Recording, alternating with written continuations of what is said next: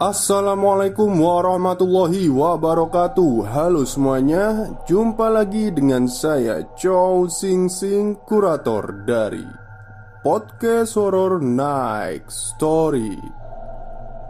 Halo apa kabar semuanya? Semoga kalian pada sehat semua ya. Dan seperti biasanya pada malam hari ini Saya kembali dan akan membawakan sebuah kisah mistis Untuk kalian semua Kisah mistis kali ini datang dari kiriman email dari Betty. Nah, Mbak Betty ya panggilannya ya. Jadi Mbak Betty itu akan menceritakan suatu kejadian mistis Yang dialaminya saat masih kelas 1 SD Seperti apa kisahnya? Mari kita simak.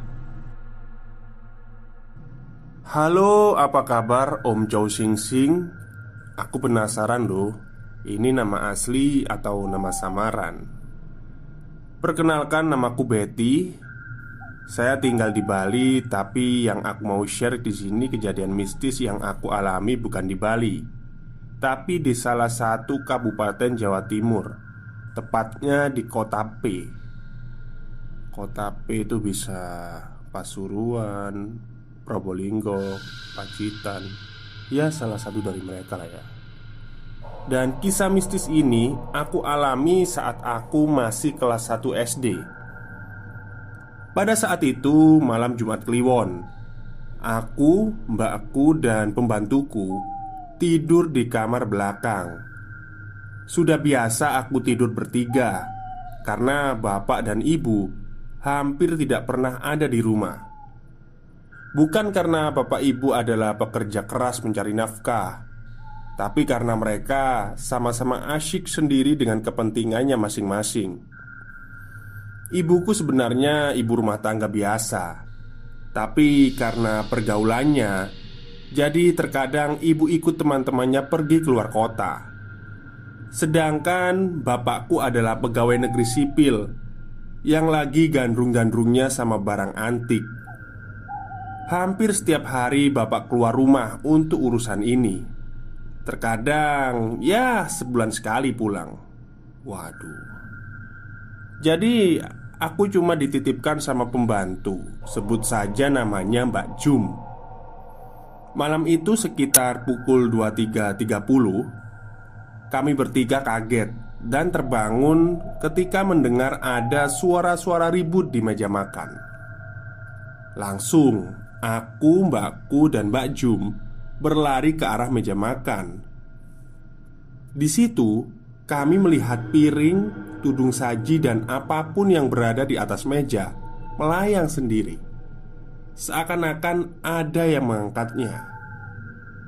Lalu, beberapa detik kemudian, benda-benda tersebut jatuh berhamburan ke meja. Tak lama kemudian, kami melihat seperti ada yang menghentak-hentakkan kaki di atas meja. Dak, dak, dak, hingga piring-piring itu berloncatan.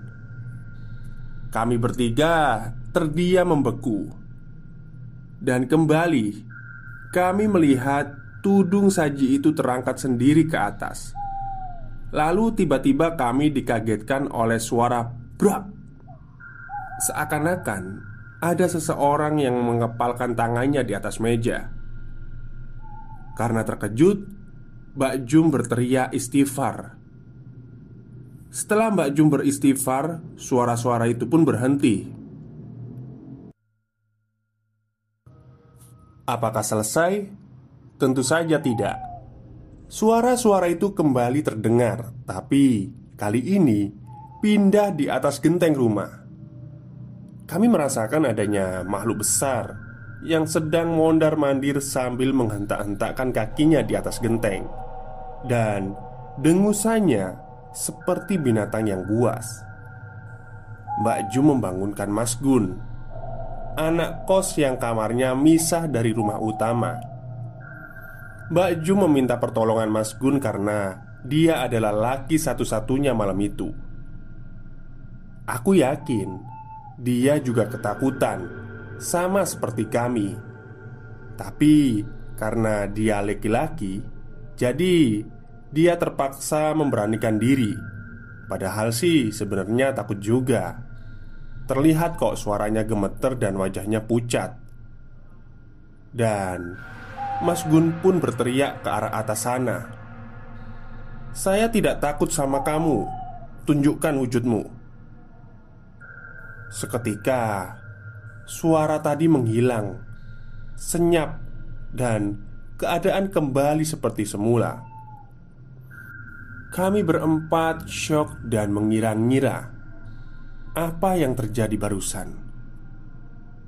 Walaupun keadaan sudah kembali tenang, tetapi kami tidak berani tidur hingga esok pagi. Besok siangnya bapak datang dari urusan barang antik. Tanpa basa-basi, bapak langsung disambut oleh Mbak Jum yang saat itu menangis histeris ke bapak dan mengancam kalau mau berhenti kalau terus-terusan begini. Bapak yang tidak tahu kenapa Mbak Ju menangis menoleh ke arah kami, seakan ingin mencari tahu apa sebabnya, dan seolah kami paham maksud Bapak. Kami pun mulai berebut cerita apa yang telah terjadi semalam. Bapak diem aja, datar tanpa ekspresi seperti tahu apa yang terjadi semalam dan siapa yang melakukannya. Setelah maghrib, bapak memanggil aku dan bakku di ruang tamu. Bapak memperlihatkan sebuah benda kecil. Bentuknya mirip seperti keris, tapi dia kecil, sebesar jali tunjuk. Walaupun ukurannya kecil, tapi keris ini ajaib. Dia bisa berdiri sendiri tanpa harus dipegangi. Kata bapak, pelakunya semalam itu adalah si penghuni kris ini. Dia marah karena tidak dikasih makan. Rupanya bapak lupa kalau semalam adalah malam Jumat Kliwon dan waktunya dia memberi makan. Dan bapak mulai bercerita tentang asal-usul keris tersebut. Ya, beginilah ya kalau kita memelihara benda-benda seperti itu itu memang ada syaratnya ya.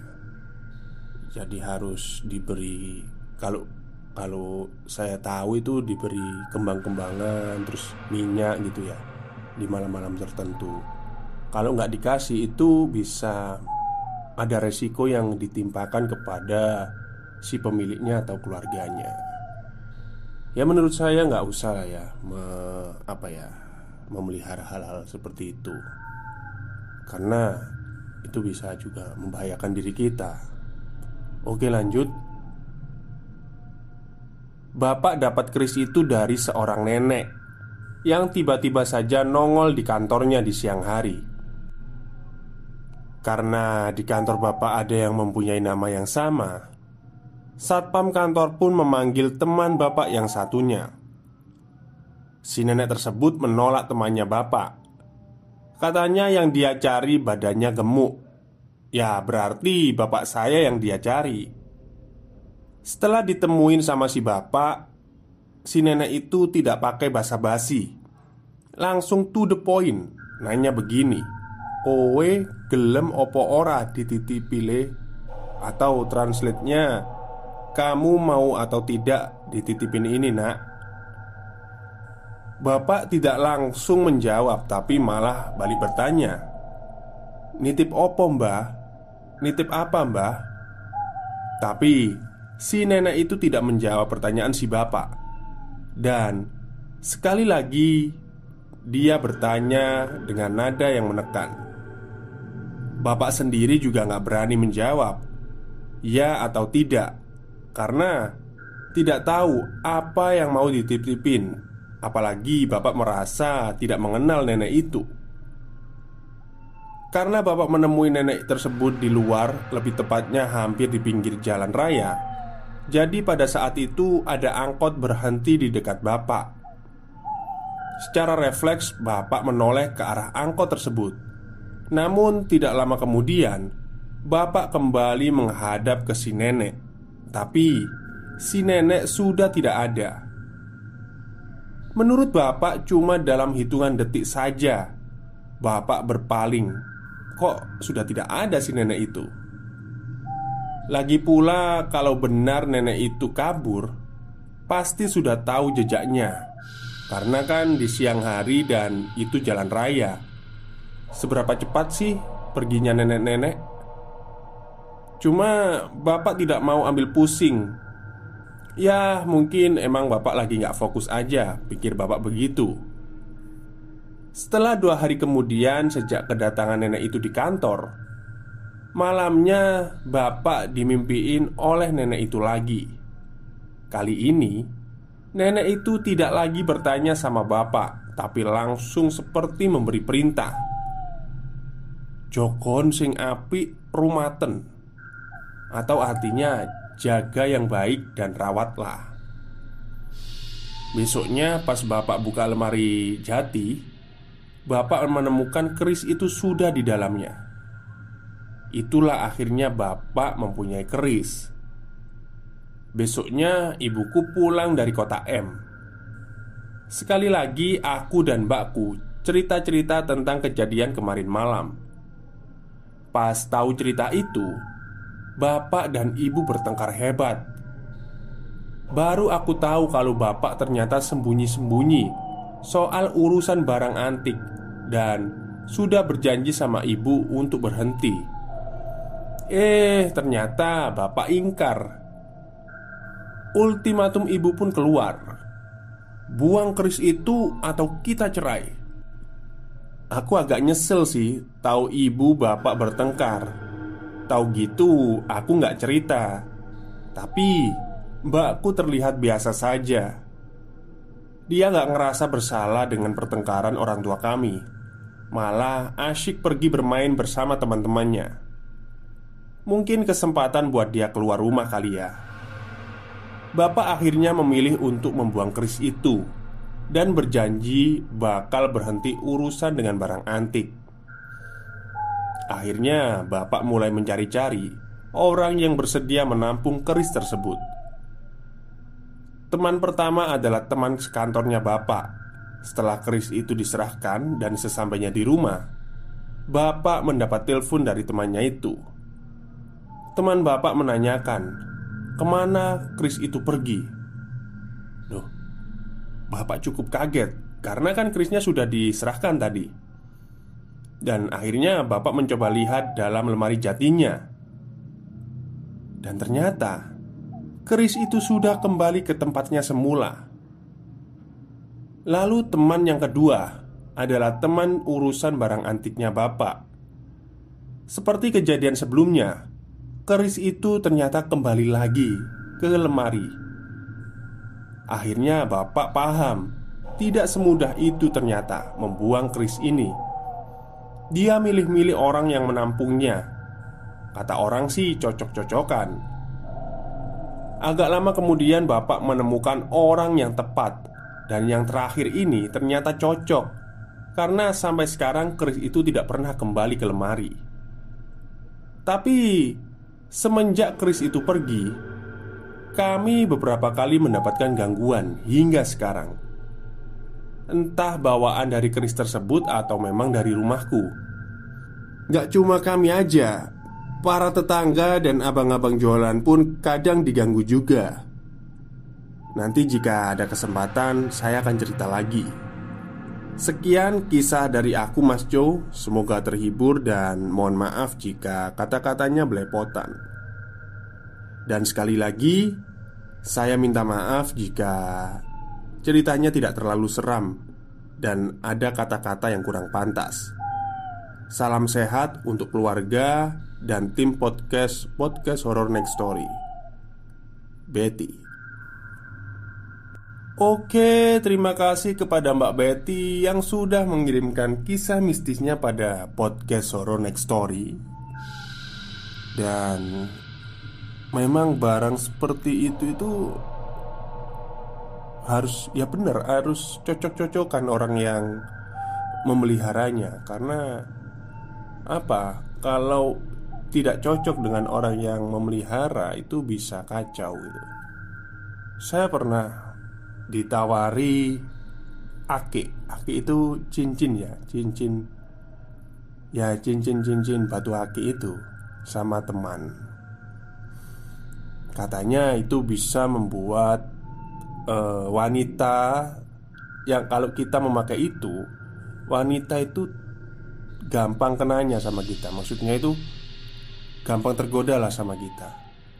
Cuman karena Saya nggak mau Ya ngapain sih kayak gitu-gitu gitu loh ya. Dan takutnya itu malah saya yang dikendalikan oleh cincin tersebut gitu loh Buat apa pakai hal-hal kayak gitu? Kayak kan sudah ganteng juga. Oke mungkin itu saja yang bisa saya sampaikan pada malam hari ini. Terima kasih semuanya buat yang mendengarkan. Selamat malam dan selamat beristirahat